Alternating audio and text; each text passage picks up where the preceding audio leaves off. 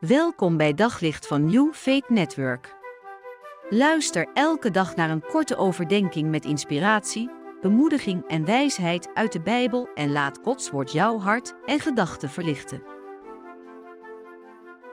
Ik ben uh, opgegroeid op een boerderij. We hadden thuis uh, koeien en weiland, paarden, schapen. En uh, nou ja, als je boer bent, of boerendochter zoals in mijn geval, dan leer je dat je uh, aan de ene kant heel veel kunt doen. Je kunt het land bemesten, je kunt heel veel doen om te beïnvloeden.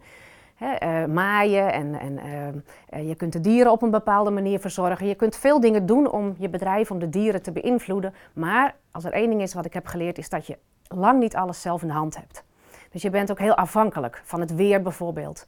Of um, ja, als je op het land werkt, ja, je weet nooit hoe, hoe de, natuur reageert.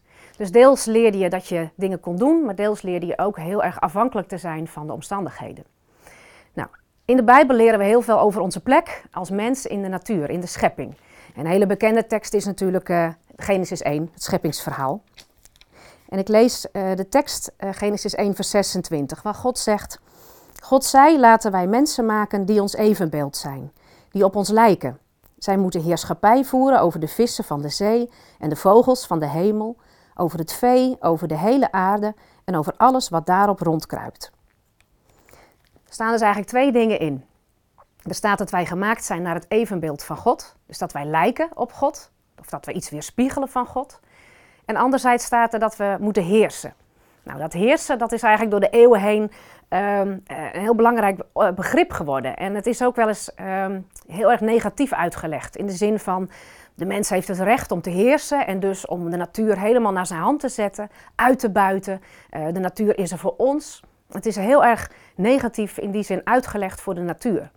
En ik denk dat dat niet de manier is waarop dat hier is bedoeld. Ik denk dat het niet voor niets in één zin staat met dat wij als mens zijn gemaakt naar het evenbeeld van God. Ik denk dat wij in dat heersen iets moeten laten zien van hoe God zelf is.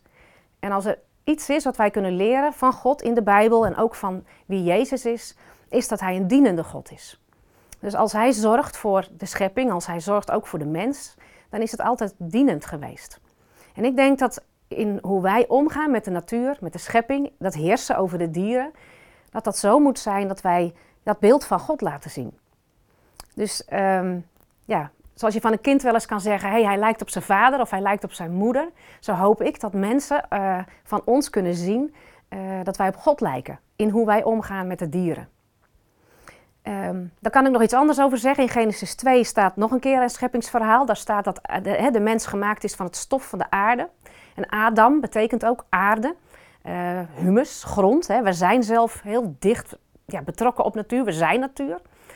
En het mooie vind ik dat dat woord humus deelt dezelfde grondbetekenis als het woord humility, nederigheid. Dus het feit dat je als mens ook gewoon schepsel bent, uh, maakt mij uh, nederig in hoe ik uh, ja, in de schepping staat. Dus zo leg ik ook die tekst uit van het heersen. In alle bescheidenheid, vanuit nederigheid, zo omgaan met de dieren en de natuur, hè, dat wij iets weerspiegelen van Gods dienstbaarheid. Op zoek naar nog meer geloof, hoop en liefde. Op New Faith Network vind je honderden christelijke films, series en programma's. Nog geen lid? Probeer het 14 dagen gratis op newfaithnetwork.nl.